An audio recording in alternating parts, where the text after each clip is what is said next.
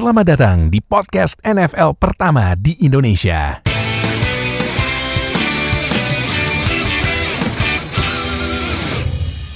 Bagi sama gue pada kalian di Zero Knowledge Podcast. Nah, gila ini ya Sudah tidak terasa lagi Seminggu lagi draft. Waduh. Ini mock draft Makin liar aja eh, Prediksi-prediksi draft. Nah, mock draft kita tungguin Minggu depan Karena minggu depan kita bakal bahas mock draft kita Versi Betul. NFL Fans Indo Satu episode full Betul. Nah, ini tanggung jawabnya para pembuat draft nih, si Nuha sama Julian nih, ntar kita panggil nih. Nih lu kenapa milih ini? Kenapa milih itu? Kenapa milih ini? Kenapa milih itu? Nah, Oh tenang, pilihan kita bisa dipertanggungjawabkan. kok. nah itu. Jadi eh kalau misalnya kalian mungkin muak gitu ya lihat mock draft yang lain, ini apaan sih orang tim gue maunya ini, tapi di mock draft bilang gitu. Nah, kita lihat aja mock draft versi kita gitu. Tapi ternyata Betul sekali. Nanti ada mock draft kita sama fansnya bilang, apaan sih nih? Oh, ada fans ini cari sensasi enggak lah, cada. Enggak, tapi Iya. tapi udah bakal udah kita kurasi dan kita pilih se- sesuai kebutuhan utama, Ah, bukan utama sih, kebutuhan pri ibaratnya kalau ada pre, kebutuhan primer, sekunder, tersier ini udah primernya dulu nih. yang harus dipenuhi pertama. Nah, jadi eh ini kita di eh, karena minggu depan udah satu episode full bahas mock draft jadi ini udah terakhir ya posisinya ya. Sebenarnya kita mau Yes. sebenarnya kita mau bahas special team cuman gimana ya? Ah. Special team sebenarnya Susah sih special iya team. sih special team sebenarnya special team juga manusia tapi ya susah.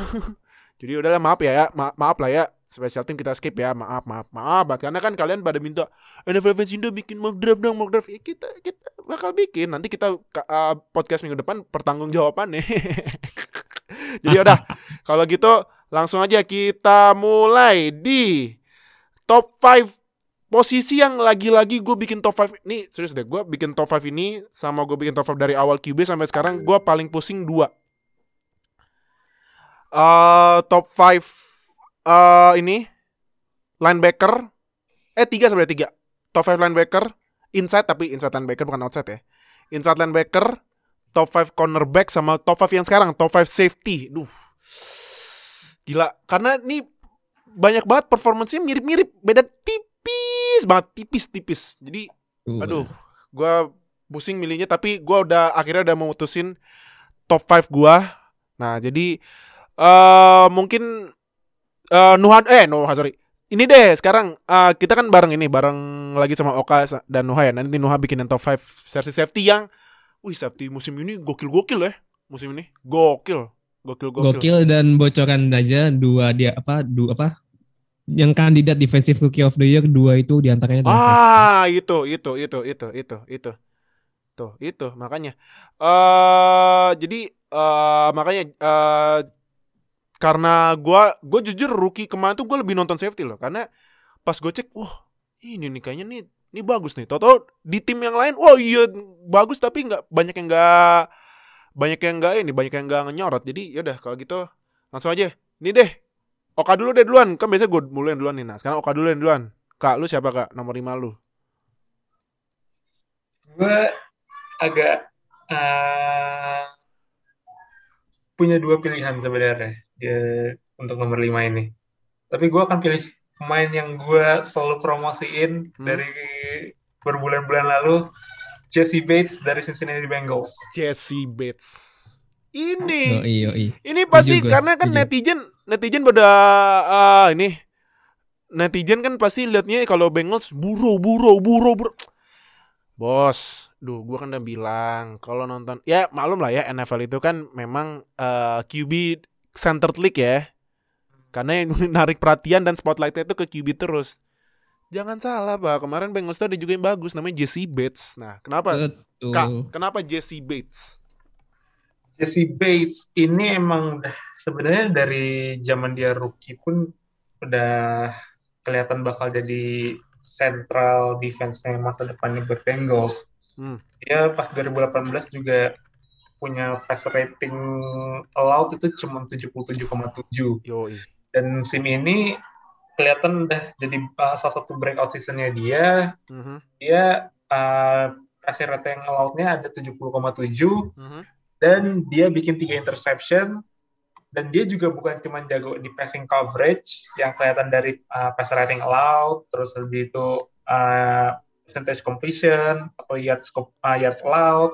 Tapi dia juga main all over the field jago juga dalam uh, run stopping. Emang mungkin karena Bengals secara defensive uh, collectively secara tim emang nggak begitu bagus ya musim lalu tapi Jesse Bates ini juga mungkin satu lagi saat main Bengals yang nggak banyak disorot karena memang defense jelek adalah Carl Lawson. Carl Lawson yang sebenarnya mungkin dia uh, pas kita episode edge mungkin sebenarnya perlu di Iya. juga nih. Iya. Iya. Jadi Mm-mm. main uh, Jesse Bates secara performa emang nggak flashy ya, emang bukan kayak beberapa nama-nama yang nanti kita sebut Iya, betul. di top 5. Ya. Tapi dia steady, dia solid banget dari musim dia rookie sampai sekarang. Benar, Tiap setuju. musim dia selalu bikin tiga interception. Betul. Dan dia uh, juga bisa jadi ball hawk, bisa juga jadi run stopper. Jadi dia paket lengkap sih Iya. sebagai safety. Setuju. Setuju. Gua nah mungkin gua out dikit kali ya. Karena dimulai dengan Bengals. Kemarin Bengals rilis jersey terbaru. ya kan? Oh, Ya ya ya ya. Oh, dikit ya. nah, kalau ya. gimana? Kalau gue sih, kalau gue ya, kalau gue itu putihnya clean AF sih. Clean AF banget. Parah sih putihnya. Tapi kalau gue sih lebih favoritnya warna hitam. Karena pertama, sayang juga pak, beli jersey mahal-mahal, putih kotor, nangis saya. Tapi putihnya tentu keren, cuman gue lebih prefer hitam sih. Karena hitamnya itu gue ngingetin zaman-zaman Bengals bagus sama Boomer Esi- Esiason sih.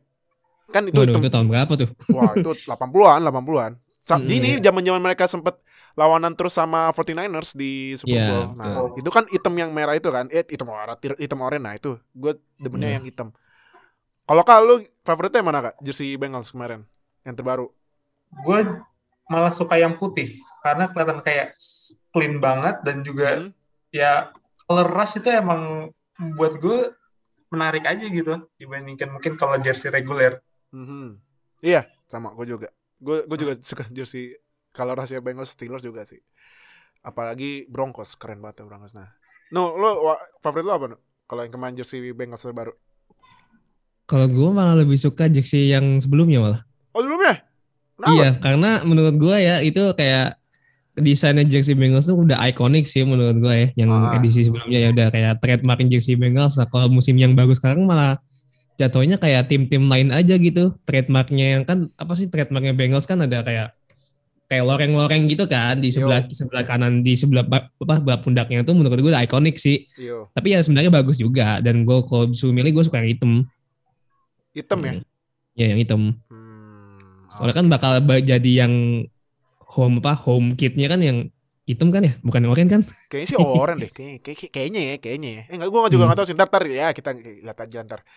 Hmm. Nah, itu eh, ini eh review dikit eh, jersey Bengals terbaru. Jadi ya udah, karena tadi nomor eh, limanya si Oka pilih Jesse Bates ya nomor lima. Gue juga Jesse Bates karena gue udah gue dari rookie rookie itu sebenarnya rookie season Jesse Bates keren tau sebenarnya.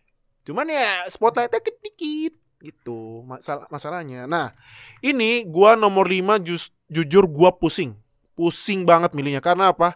Karena eh gua bingung antara empat pilihan. Jesse Bates, Jordan Poyer, Harrison Smith, atau Darnell Savage Jr. Nah, setelah gua bandingin lagi, gua lebih prefer Jesse Bates karena Jesse Jesse Bates ini kom, eh, ya sebenarnya kan gini ya, kalau kalau lihat di completion percentage kan emang safety kan sebenarnya apalagi kalau timnya yang udah tahu safety-nya bagus kan pasti mainnya short pass ya kan, short pass, short pass gitu. Nah, Hmm. otomatis eh, passing ke safety lebih dikit. Cuman ya gue bandingin sama empat nama tadi, ya ini Jesse Bates allowed eh, allowed ininya allowed completion percentage-nya 54,3 persen. Passer ratingnya 70,7. Nah, terus gue juga nge-value safety itu bagus apa enggaknya dari dia tackle tapi bukan tackle combine ya. Tackle solo. Karena apa? Karena eh menurut gue safety ini kan posisinya paling belakang nih kan. Berarti kan dia udah jangkar paling belakangnya. Nah, jadi ya gimana efektivitas eh si safety ini buat nge-tackle lawannya dengan solo, bukan combine. Combine ini kan berarti kan berdua atau eh berdua eh, tackle gitu ya. Nah, ini Jesse Bates solo tackle-nya 78 yang kalau diukur dia itu di posisi safety dia empat paling tinggi loh. Nah, di bawah Kevin Bayard, Boda Baker sama Jordan Poyer. Nah, tadi gue mau masukin Poyer, cuman Poyer ini say- sayangnya pass coverage-nya kurang bagus kemarin gitu.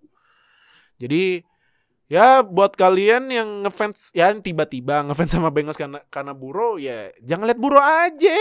Lihat Jesse Bates. Jesse Lihat Bates. defense-nya. Jesse Bates, bener deh. Lu lihat Jesse Bates. Walaupun kemarin defense-nya ya huge loss ya, hilang Carl Lawson, terus William Jackson, Jackson. dia William William Jackson, cornerback-nya tapi perhatiin Jesse Bates musim depan. Nah, nomor 4 lu siapa kak? Hmm, nomor 4 gue. Eh, oh, Bingung ya? berat nih sebenarnya. Iya. Rapet ya, sebenarnya tuh safety agak rapet loh. Oh, hear me out. Nomor 4 gue, gue akan sedikit uh, more on the unpopular side. Gue akan Oh. pilih Jamal Adams di sini. Jamal Adams! Si Eh. si si ada pass coverage. Si ini, si, siapa? Si Si, ada Raja Blitz. Apa? King, King of Blitz, King of Blitz. Blitz boy. Blitz, Blitz ya. boy. Blitzman, Blitzman. Blitz boy. Kenapa Boy. tuh? Kenapa milih Jamal Adams? gue uh, ngelihat Jamal Adams ini gue uh, nggak cuman ngelihat ke passing coverage-nya. Kalau kalau cuman murni passing coverage ya dia nggak sebagus main-main safety lainnya ya memang. Cuman cara Seattle make si Jamal Adams ini ini jauh berbeda dibandingkan sama main-main safety lain. Ah. karena dibandingkan safety uh, tim-tim lain masang safety kan uh, kalau free safety kebanyakan main di belakang main deep pass kalau main short uh, main yang strong safety juga mainnya kebanyakan agak ke agak ke bawah Mhm. cuman kalau Jamal Adams dia emang sering dipakai buat deket-deket sama linebacker Mhm. jadi dia dipasang jadi sebagai additional pass rusher uh, dibandingkan kalau kalau safety yang kebanyakan defense pass. Gue nggak, gue terakhir kali ngeliat ini mungkin ketika gue nonton Troy Polamalu. Ah ya ya. Ya. Ketika gue nonton Troy Polamalu, Aha. ya kita nggak bisa bandingin Troy Polamalu sama Jamal Adams ya beda jauh. Aha.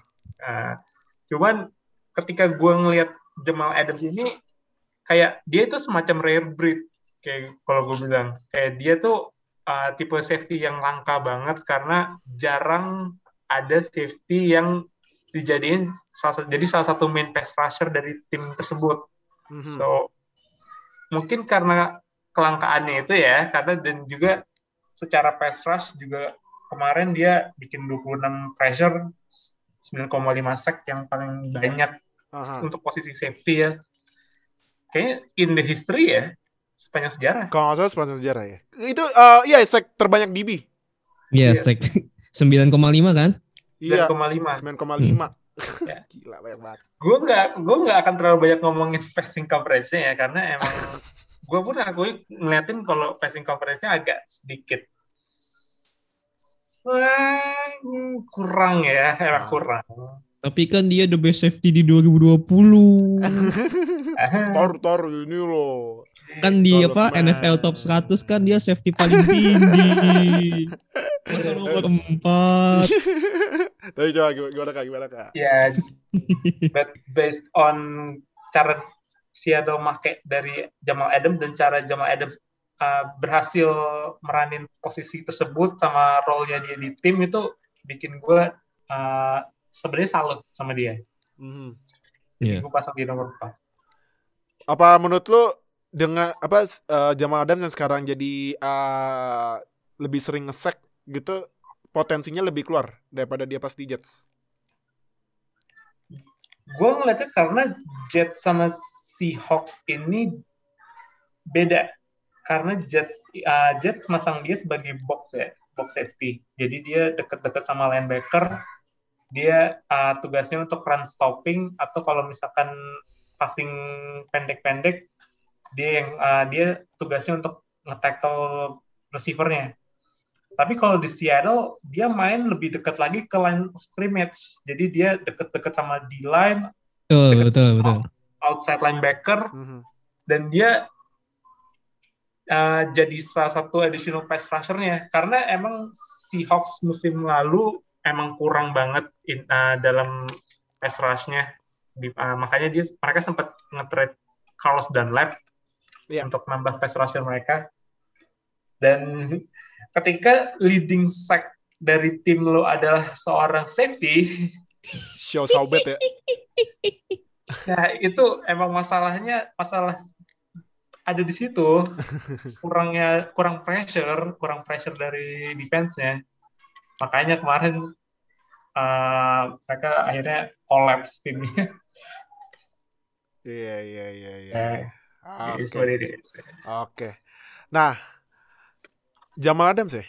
Gua dengan berat hati apalagi buat 12 men yang dengerin ini atau nonton gua nggak masukin Jamal Adams. Nggak. Buat gua. Nggak nggak nggak nggak. Nggak. Nggak. Karena menurut gua sek dia emang bagus tapi si ada pass coverage nggak nggak ada nggak. No. No. Karena nomor 4 gua uh, sorry itu saya kalau misal gue subjektif ya gue taruh Minka Fitzpatrick karena okay. karena ya karena ya ya karena ya Minka Fitzpatrick masuk Steelers uh, impactnya gede. Iya, ya kalau itu gue setuju sih, setuju. Kemarin gue. dia Fitzpatrick ini ya sebenarnya juga solo tackle-nya cuman 60 ya karena timnya udah pada tahu, oh Minka Fitzpatrick bahaya nih lempar ke dia, tapi dia aja masih bikin 4 interception.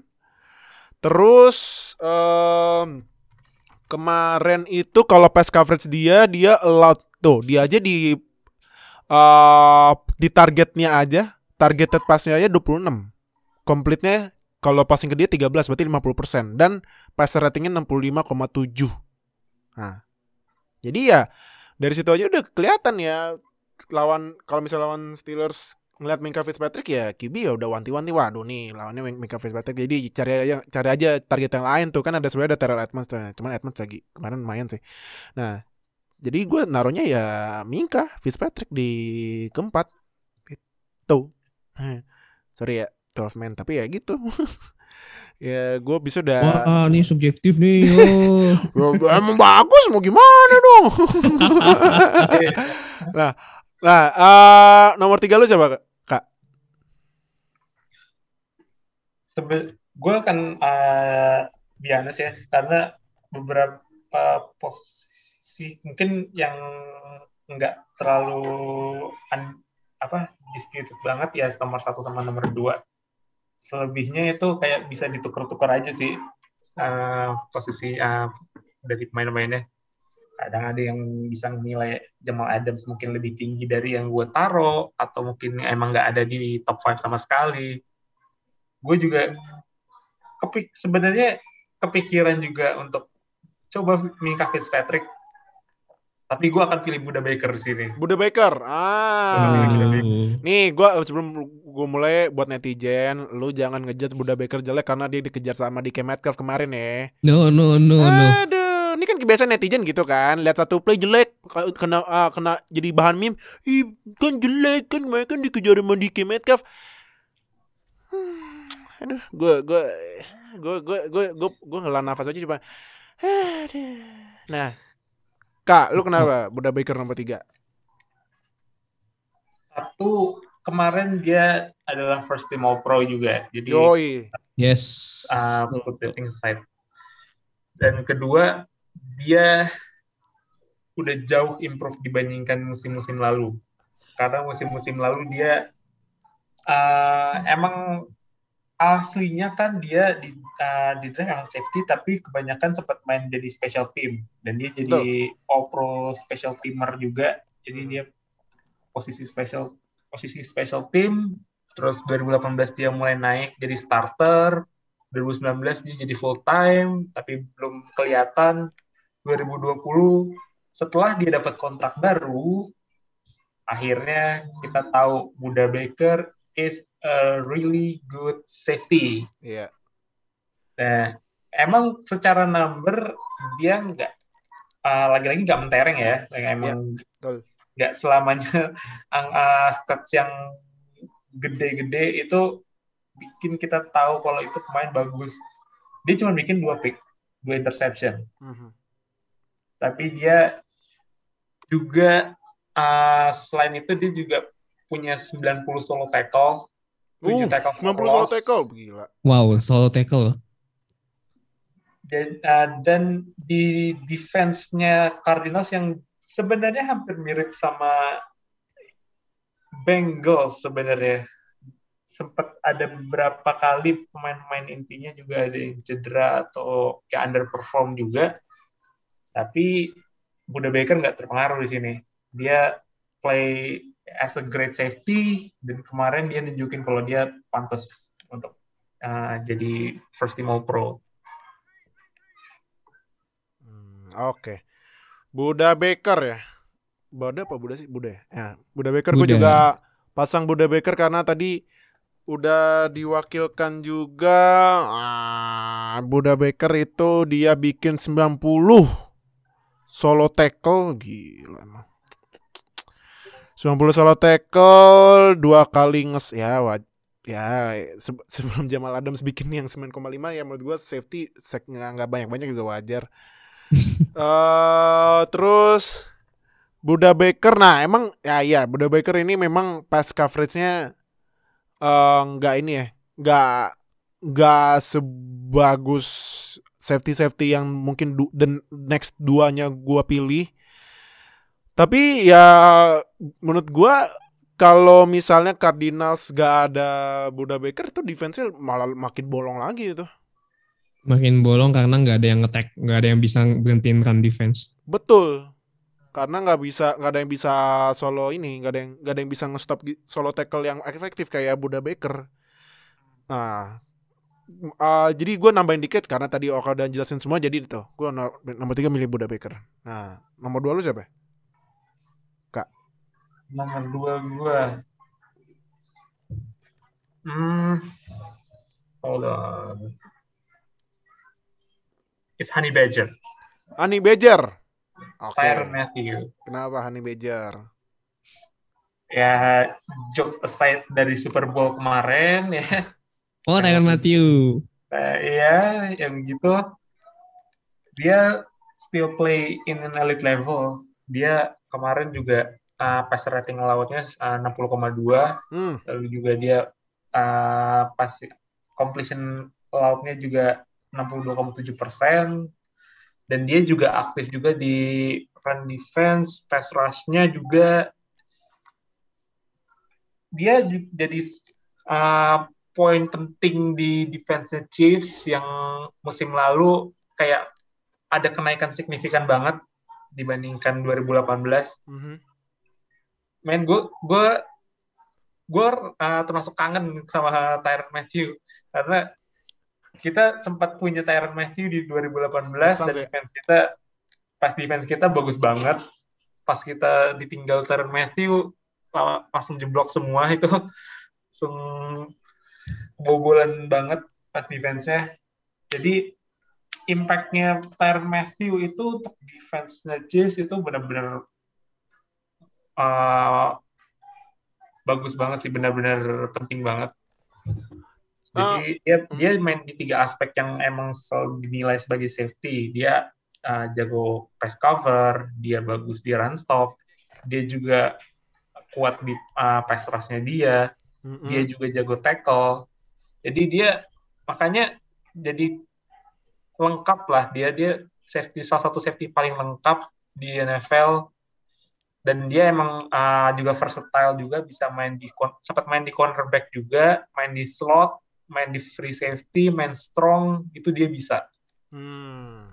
jadi itu yang bikin gue dia naruh Honey Badger nomor dua Tapi gue mulai dari dulu pada eh Tyron Matthew kenapa nggak lanjut di Texans ya? ya apa, kontrak yang nggak mau kontrak yang nggak cocok apa memang udah satu tahun aja bagaimana sih dulu di Texans? Karena emang uh, kita nggak bisa afford dia. Jadi Oh. emang duit duitnya kepake buat beberapa posisi lain. Kita udah tied up money di JJ Watt, Oh Di- iya. uh, Hopkins, Aha. juga uh, beberapa main defense-nya juga yang veteran-veteran. Jadi ya sayang banget sih nggak bisa dipertahanin. Hmm, oke oke. Nah, ini kayaknya kita safety cuman beda ini doang ya, cuman beda Minka Fitzpatrick sama Jamal Adams kali ya, kayaknya ya. Karena nomor 2 Iya, juga. Honey Badger. Bentar, bentar, bentar. Ini nggak ada yang masukin Harrison Smith nih. Ah, nih. j- Ah, ini nih ya. Tadi kan gue udah sempet mention ya Harrison Smith. Tapi Harrison Smith dibanding sama Jesse Bates ini angkanya tipis banget, tipis. Passer ratingnya cuman nih, Jesse Bates passer rating 70 tuj- passer rating allowed-nya 70,7. Harrison Smith passer rating allowed-nya 71,6. Itu tipis banget. Tapi ada satu eh, yang be- yang bedanya lumayan jauh. Uh, Jesse Bates compilation pass allowed percentage-nya na- 54,3, Harrison Smith 65,6. Itu di samping interception-nya ya walaupun interception-nya Harrison Smith lebih tinggi ya. Cuman ya beda dua, beda dua menurut gue ya nggak nggak yang nggak nggak jauh banget ya. Kalau udah tiga udah lumayan jauh kalau menurut gue. Nah jadi makanya gue milih Jesse Bates gitu. Nah gue juga tadi udah di ini eh gue milih Honey Badger karena ya completion percent lot completion percentage-nya ya lumayan tinggi ya di atas 50% 62,7 eh tapi pas ratingnya 60,2 loh berarti ini kayaknya ya kayaknya ini setiap completion percent eh, apa setiap eh QB lempar ke wide receiver di, ja- yang di, ada di area Tyrann Matthew langsung ke tackle nggak ada yang nembus gitu. Langsung ke tackle gitu karena ini juga gua cek ini Tyron Tyron Matthew ya, ya Tyron Matthew sih ya iya sih Eh, solo tackle-nya dikit ya 48 cuman eh ya dia tackle-nya itu efektif langsung bener-bener eh apa namanya bener-bener stopin receiver biar nggak nembus gitu makanya passer ratingnya kecil loud passer rating maksudnya loud passer ratingnya kecil gitu Sama satu lagi Hmm. yang bikin Tyron Matthew itu selalu dibilang salah satu safety terbaik itu adalah dia uh, nggak mempan di match up sama siapa pun. Jadi Hmm. dia bisa di match up sama uh, pemain yang punya kecepatan Mhm. atau pemain yang badannya gede, itu dia gak gampang kalah di situ.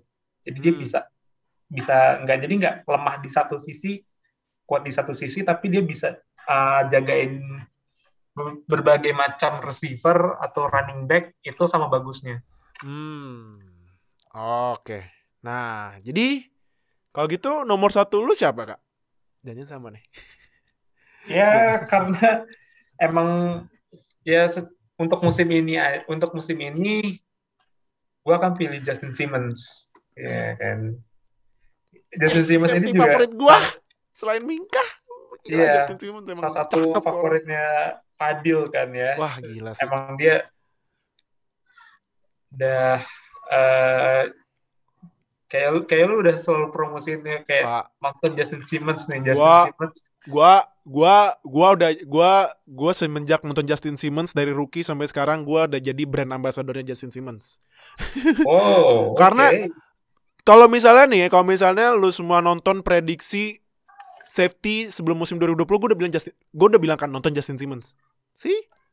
Ya udah, Mhm. ya kan? Sekarang Justin Simmons jadi safety termahal. Nah.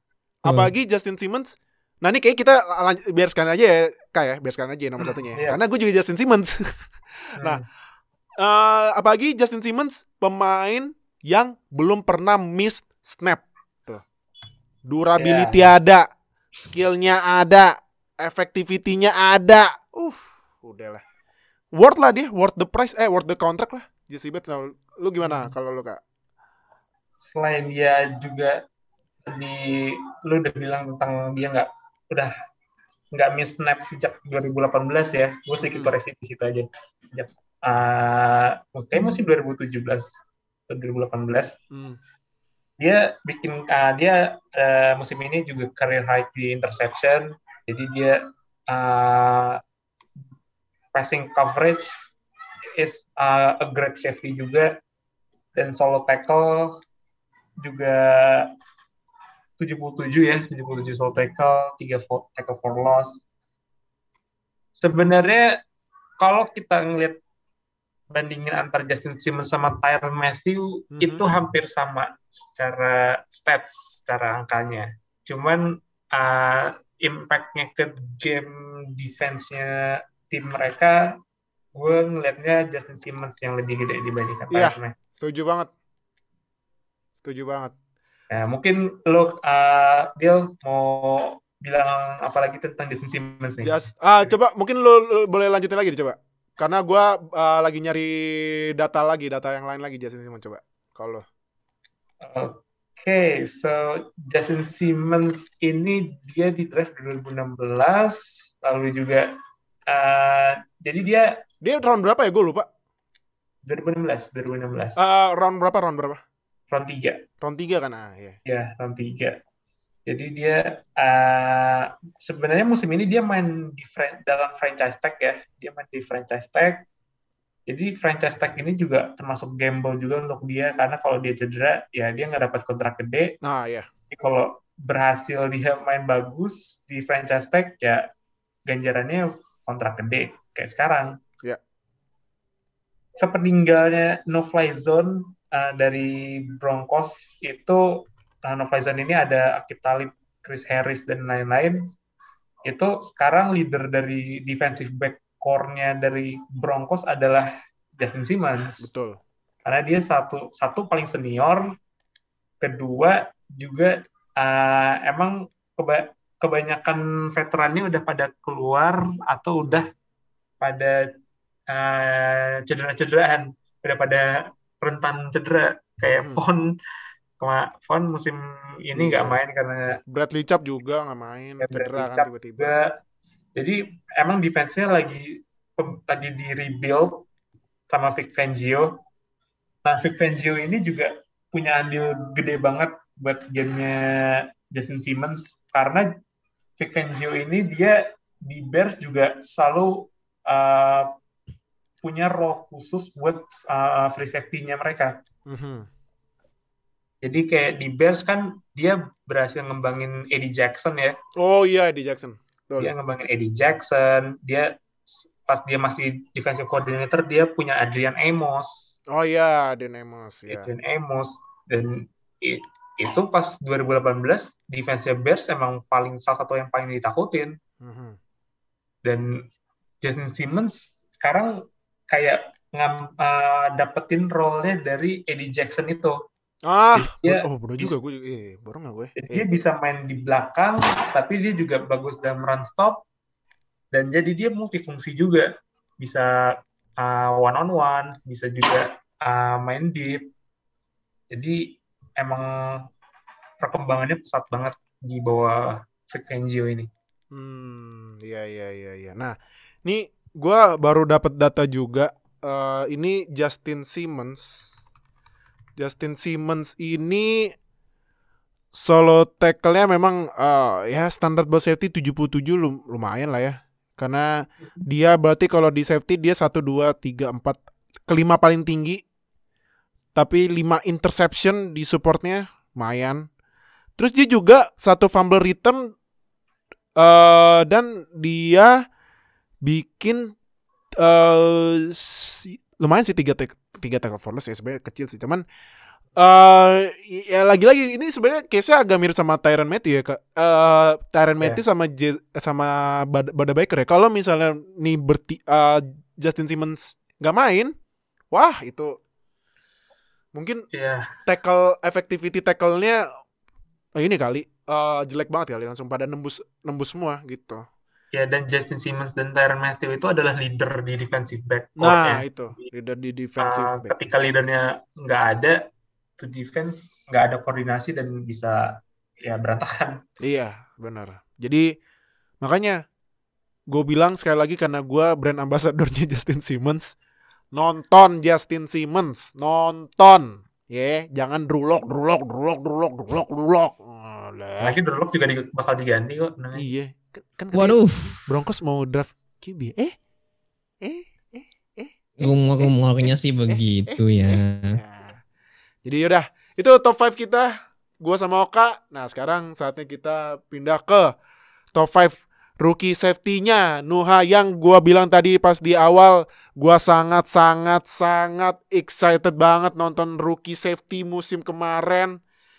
Wow, gua gua ya pasti lu pada nontonnya rookie apa rookie wide receiver, rookie running back, rookie QB. Gua nontonnya rookie safety. Karena rookie safety ini gokil emang musim kemarin. Karena seharusnya ini ada du malah ada salah satu yang se- eh salah satu kayak menurut gue yang yang jadi kandidat defensive defensive rookie of the year ya karena dia da- sempat dapat dua kali rookie of the month loh dan itu kemarin jadi rookie safety favorit gue nah coba Sebenarnya yang silakan. menjadi kandidat defensive rookie of the year kan ada tiga. Nah dua dua pemainnya itu adalah safety. ah Tuh. tuh. Jadi safety tahun ini memang luar biasa banyak yang bagus. Walaupun memang nggak ada yang di draft di first round ya. Safety yang kata-kata dimulai bukan kata-kata memang dimulai dari second round dari Xavier McKinney yang di draft sama New York oh Giants. McKinney ya Tapi gue tidak akan memasukkan Xavier McKinney. Nomor lima gue, gue akan pilih. Ini ini bukan bias, tapi memang nyata dan fakta adanya seperti itu. Iya iya. Ia adalah leading rookie in interception, Siapa tuh? Jordan Fuller from Los Angeles Rams. Oh, Jordan Fuller. Oke. Iya. Kenapa Jordan Fuller? Jordan Fuller ini gue suka banget ngeliat dia main ya. Walaupun emang dia main di Rams, makanya kenapa gue pengen dia taruh di nomor 5 bukan karena bias, Iya iya iya. bukan karena subjek, bukan karena subjek, tapi gue juga memasukkan unsur objektifnya di sini. Jordan Aha. Fuller, dia dari semua rookie yang di draft sama Rams, entah itu dari Cam Akers, Van Jefferson, dan semua pemain-pemain yang lain, Aha. dia yang paling banyak main. Oh, Dia dia, lebih- main- main. Oh. Dia main lebih dari 700 snap. Oh. oke. dari semua first year rookie Rams yang ada. Dia yang paling paling banyak main Mhm. dan dia bikin tiga intercept. Salah satu intercept yang paling yang paling bagus adalah interceptnya bola dari Tom Brady. Oh, yang itu, yang ke samping bukan sih? dia. Yang ke samping bukan sih? Eh, bukan ke samping ya? Bukan ke samping. Jadi itu Brady lemparnya lurus ke depan, cuman Aha. Brady nggak ngeliat kalau ada coverage dari si Jordan Fuller di situ. Aha. Jadi Jordan Fuller langsung bisa nangkap dengan gampang tuh. Set. Oh, oke oke Iya. oke. Dan itu yang gue agak lupa itu yang bikin match winner atau enggak, tapi gue pokoknya tuh udah kalau nggak salah udah kuarter keempat atau tiga lah. Mhm. Dan dia nangkep bola dan dia tuh di draft si siapa Jordan Fuller ini de- dengan 6 apa di round ke-6 Mhm. nomor 199 dan dia menangkap bola dari Oh, quarterback yang intercept. sama draftnya sama dia. Oh, menarik sekali nih ya, faktanya ya. Hmm. Dan kan setelah matchnya itu kan si Jordan Fuller, I'm 199 too, I'm 199 too. Oh. itu tuh kayak menunjukkan kalau nggak semua pemain bagus tuh nggak harus di first round kok. Bahkan no, round 6, round 7 tuh kalau misalnya potensinya keluar, ya hasilnya kayak Jordan Fuller itu. Bagus di rookie season. Ah, oke. Dan statistik dia juga oke kan. Dia tadi udah gue bilang 3 interception, 42 tackle, solo tackle ya. Mhm. Dan walaupun emang gak ada touchdown, tapi 3 intercept dia, dia tuh menjadi kunci ya.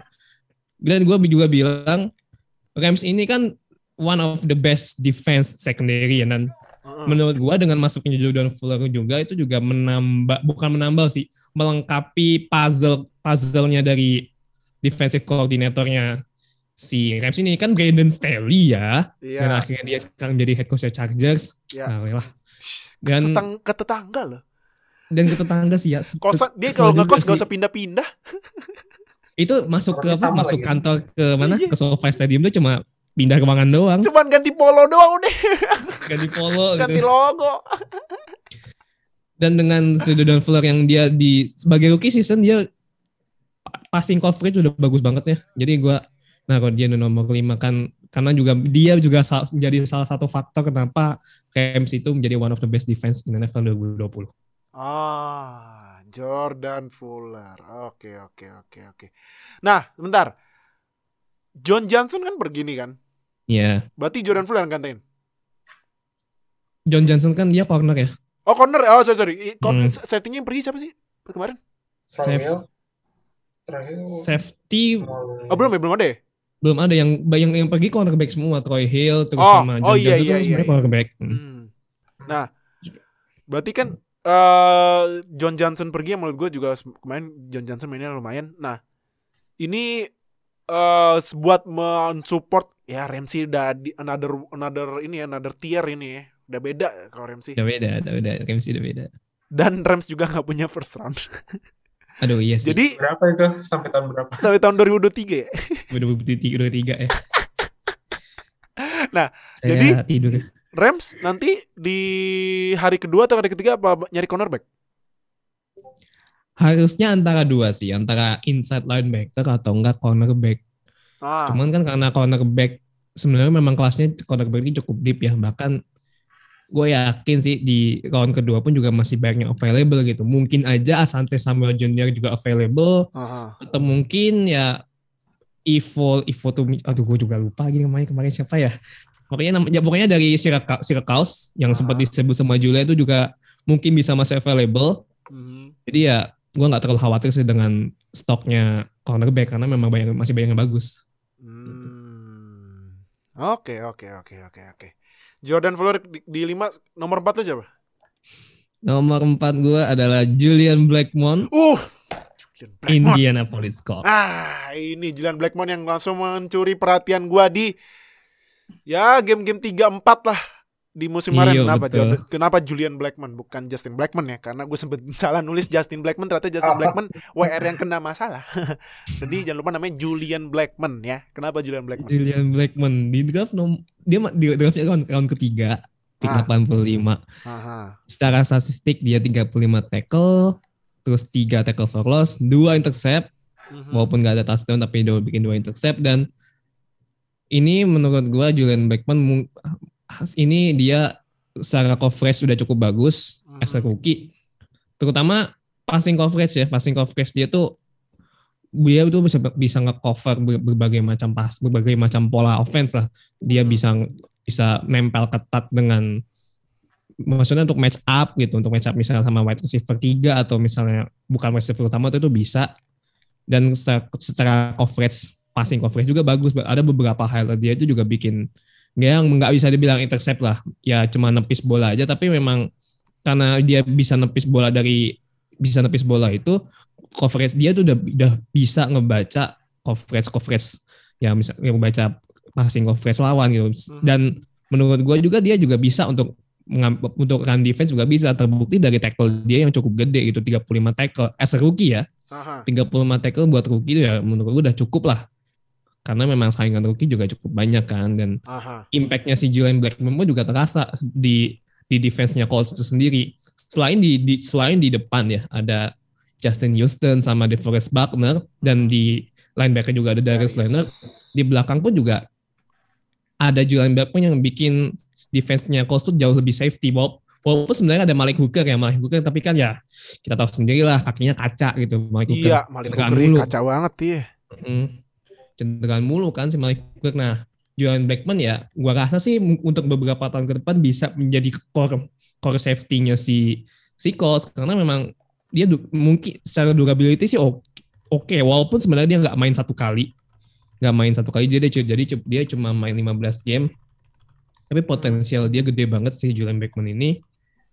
Dan mungkin ya beberapa tahun ke depan sih ya menurut gue defense-nya Colts tuh udah cukup oke ya. Di depan udah di depan udah ada dua itu DeForest Buckner sama Justin Houston, di tengah udah ada leadernya Darius Leonard dan di belakang udah ada juga yang siap menjadi core-nya si Justin, Julian Blackmon. Jadi nah, jadi gue taruh Ju- Julian Blackmon di nomor 4. Seharusnya nomor 3, cuma Oh. nomor 3 yang nanti itu jauh lebih spesial lagi sih. Oh, wow. Jadi siapa nih nomor 3?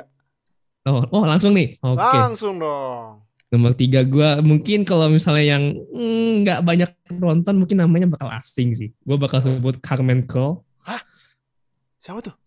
Coba. dari Washington Football Team. Siapa siapa? Carmen Cole. Car Carmen Curl. Curl ya? Yes, Curl, ini. Carmen Cole. Camren. Oh, Camren Curl. Ya Oh, Carmen Oke. Cole. Oh, tapi solo tackle-nya lumayan banyak juga ya. Gede kan? Nah, Iya. Nah, kenapa Ka- Camren Curl? Di Cameron Cole secara statistik 63 tackle, 2 sacks sebagai Oh. safety dia punya 2 sacks, Oh, tiga 3 intercept. Wow. Bah- Oke, oke. Kan sorry itu saya di pass and coverage-nya jauh lebih bagus daripada Jamal Adams. tuh. Ih, sorry itu Oke. saya aja karena ya dia punya tiga intercept dan dua dua rookie yang udah gue sebut tadi Jordan Fuller Mhm. sama Cameron Curl ini leading intercept as a rookie dengan Oh, tiga oke, intercept dan secara secara game dan dia juga bikin satu touchdown loh di ada satu intercept dia Aha. yang dia bikin ga- game game dia bikin pick six pick six Mhm. touchdown gue lupa lawan siapa Mhm. dan dia dan dengan jumlah statistik seperti itu yang menurut gue cukup imbang as a rookie ya tiga intercept dan dua sack berarti dia punya passing coverage dan passing coverage dan defense defense coverage kan kan, kan coverage yang bagus Mhm. as a safety gitu walaupun dia di draftnya nomor dia di pick nomor berapa ya gue oh dia dia bahkan di round 7 loh Round 7. iya di round 7 pick nomor 216 Gila. tapi bisa performance bisa bikin statistik angka dan performance sebagus itu ya gitu gitu. Watch out. Dan menurut gua ini nggak cuma hanya Cameron Curl aja ya. Secara secara kolektif secara overall Washington Football Team ini bisa dibilang gua kalau mau gua kasih nilai grade buat rookie-nya gua mau kasih A loh. Karena Ah, Chase Young, Chase yang pasti. Antonio Gibson, Oh, Antonio Gibson ya. Cameron Curl Ah, Tiga, menurut oke, gua. Oke. Bahkan kalau misalnya kita melep- apa nggak perlu hitung-hitungin Chase Young ya karena Chase Young memang udah arguably udah the best talent in the in the draft. Aha. Cameron Curl ini bisa menjadi the best pick si Washington F, si WFT ini. Uh. Dia kalau menurut dia menurut gue emang highest graded safety ya, Mhm. highest graded safety di regular season.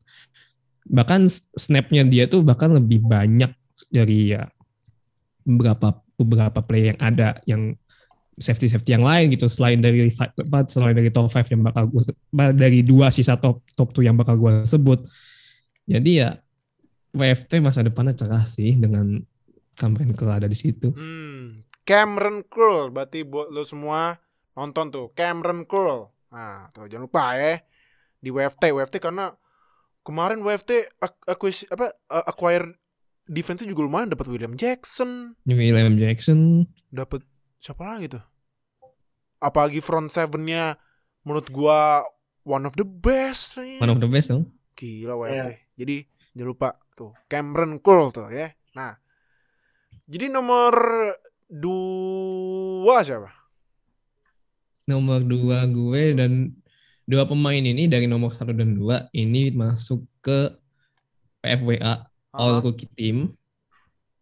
Nomor duanya karena timnya tidak masuk playoff, mhm.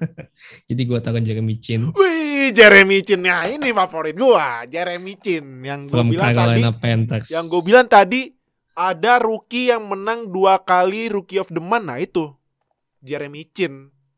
Kenapa Jeremy Tuh. Chin? Betul, Jeremy Chin. Kenapa Jeremy Chin?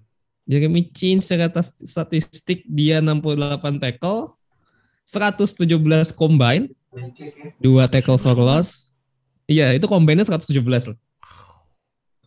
Punya satu intercept. Karena gini, kenapa dia bisa punya combine tackle yang segede itu? Karena di Panthers defense-nya tuh dia main dua role sebenarnya. Dia Oh, main dua sebagai strong safety juga. Dia bermain sebagai strong safety kan. ah, ah. Jadi somehow di beberapa play dia juga dimainin sebagai outside linebacker.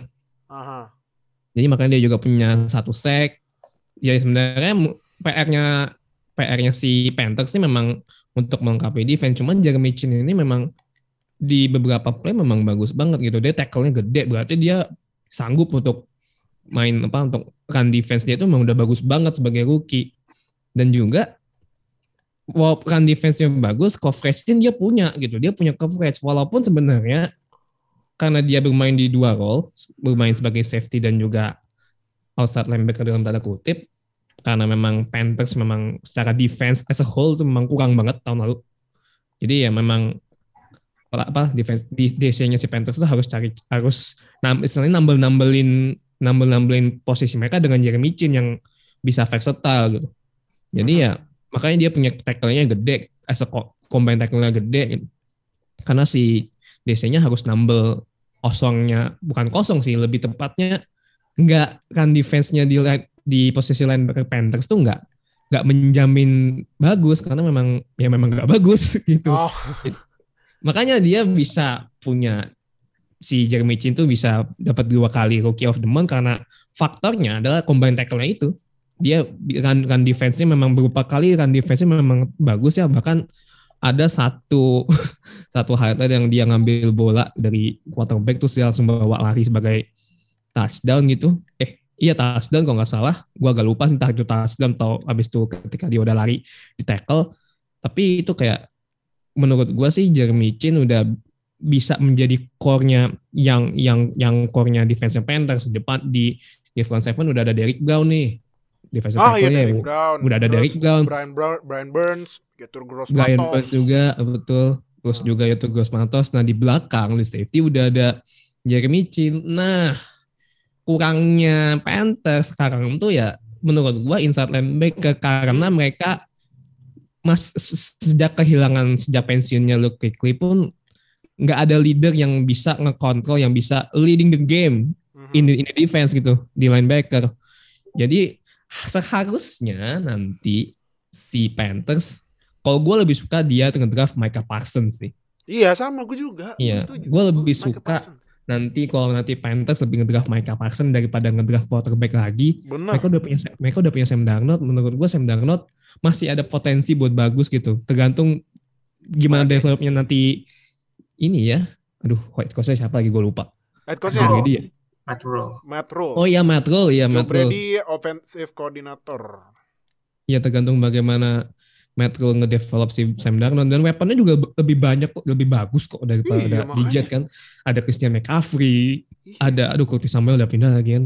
Tapi masih ada tapi Robbie Anderson. tapi Robbie sama Robbie Anderson iya Rayoni. iya masih ada Robbie Anderson. Jadi menurut gua prioritas si Panthers harusnya sih ya inside linebacker dan Micah Parsons they should draft him. Jadi Jeremy Chin memang menurut gue cukup main di belakang aja nanti kalau misalnya cukup main di belakang karena sayang aja sih dia walaupun memang bisa main coverage run, run defense bisa, pas coverage bisa. Cuman kalau misalnya terlalu sering versatile kayak gitu, kasihan defense Panthers juga sih. Gitu. Hmm. Oke oke oke. Jeremy Chin, rookie safety favorit gue kemarin. Jadi nomor satu. Nomor satu. Siapa nih? Iya sudah jelas Antoine Winfield oh, Jr. Antoine Winfield Jr. ya. Oke oke oke. Kenapa? Ya? Kenapa Antoine Winfield bukan Jeremy Chin? Secara statistik 64 tackle, walaupun emang kalau bisa dibandingin secara statistik ya, Aha. emang Jeremy Chin lebih gede gitu. Iya. Kombinnya sampai kombinnya 94 dibanding 117, 3 3 sacks, satu intercept. Cuman impact to the game-nya si Antoine Winfield jauh lebih gede daripada Jeremy Chin. Aha. Satu, secara defense, secara IT saja deh. Tahun lalu defense Buccaneers gak ada apa-apanya. Oh iya. Tahun benar. ini lihat defense-nya kayak apa. Benar, Lihat tahun ini, khususnya khususnya di khususnya di defensive back ya. Mm-hmm. Itu benar-benar jauh bagus banget dengan nambahnya Antoine Winfield dan di draftnya Antoine Winfield itu menurut gue pas banget. Itu bener-bener pick yang tepat orang yang tepat dan hasilnya luar biasa. Mhm. maksudnya dengan datangnya Antoine Winfield aja gue nggak ngomongin statistik. Secara impact to the game aja memang udah gede banget gitu. Passing coverage bisa run defense bisa intercept. Maksudnya dengan passing coverage itu dia bisa bikin intercept yang bagus gitu. Dan dan running running defense-nya dia juga oke. Okay. makanya impact impact to the game as a whole defense Buccaneers tuh ya juga bagus banget. Makanya nggak cuma safety aja cornerbacknya mereka pun juga improve juga salah satu faktornya ada namanya kan namanya nama posisinya aja safety ya memberikan rasa aman gitu dan Oh. bahasa aja safety Oh. jadi Antoine Winfield datang ke Buccaneers itu di belakang Bener itu nggak nggak terlalu banyak quarterback Oke. yang berani untuk di ball karena ya udah Boleh aman udah ada Antoine Winfield di situ. Ah, oke, Ini kalau mau pakai bahasa safety aja ya bahasa sederhananya gitu dan ya kita lihat lah Buccaneers gimana sih musim ini gitu. Hmm. Super Bowl 55 juara. Hmm. Salah satu dan di Super Bowl 55 juga ada saat ada satu key play yang dibuat sama Antoine Winfield dan itu bagus banget sih. Ah. Makanya gue naruh Antoine Winfield di nomor satu. Picknya pemainnya jelas, picknya jelas, hasilnya jelas. Oh, Juara Super Bowl 55. Karena safety can be fun ya. Eh, iya kan? Safety can be fun. Really, really Fun. fun. Karena main safety can be fun serius. Karena safety itu menurut gua ya posisi yang nih ya kalau menurut gua ya safety itu tight endnya defense loh. Karena apa? Karena safety itu bisa jadi cornerback, Bisa, bisa jadi linebacker, bisa. bisa kayak Jamal Adams. Ngeras defensive gitu. end. Jadi, nah jadi buat kalian yang masih fokus nonton offense, serius deh, nonton defense, bener, nonton defense. Kalau lu udah perhatiin defense tuh, lu bakal paham kompleksitas defense NFL itu adalah sebuah seni. Iya, iya. Dan ini nambahin dikit ya yang Boleh. oh pada yang oh di Buccaneers Brady Brady Brady Brady. Eh sebenarnya yang yang carry Buccaneers itu defense loh bukan offense. Ih, serius, gue setuju sih, setuju, setuju karena duo inside linebacker menurut gua duo inside linebacker terbaik di NFL. Pass rushernya ya ya gue langsung kasih contoh pas Super Bowl lu lihat kan Mahomes lari belakang Nah, tuh, ke betul. belakang gitu. Defensive backnya, hmm, gue setuju sih, setuju banget. Jadi itu top 5 rookie safety versi Nuha yang tadi eh, kita gua kita maksudnya gua sama Oka udah bikin yang top 5 safety-nya musim 2020. Nah, kalau kalian gimana? Top 5 eh, safety versi kalian langsung aja tulis di komen yang nonton. Jangan lupa seperti biasa subscribe, klik lonceng sampai subscribe biar kita upload dapat notifikasi eh, dapat notifikasi langsung nonton. Biar update sama NFL di Indonesia dan jangan lupa like, comment, share video ini tadi dan nunjuk-nunjuk ke bawah tuh Nuha sama Oka langsung join semua sosial media kita. Join aja karena seminggu lagi mau draft Yo mock draft makin Oh, makin mock draftnya makin makin mind blown makin wild nah kita mock draftnya nanti nanti. sebelum minggu depan podcastnya keluar jadi kita rilis dulu mock draftnya eh iya rilis dulu mock draftnya bisa kita podcastin biar kita jelasin kenapa kita bikin mock draftnya kayak gitu jadi stay tune aja tungguin yang buat kalian yang nanya-nanya mock draft versi NFL Fans Indonesia yang dengerin audio only di Spotify langsung aja follow biar kita update eh, biar kita upload langsung dapat notifikasi. Jadi thank you udah nonton, see you di episode selanjutnya ya. Bye. Terima kasih telah bergabung dengan Zero Knowledge Podcast. Follow kami di Instagram dan Twitter at NFL Fans Indo. Atau bergabung dengan kami di Line Square dengan keyword NFL Fans Indonesia. Sampai jumpa di podcast berikutnya.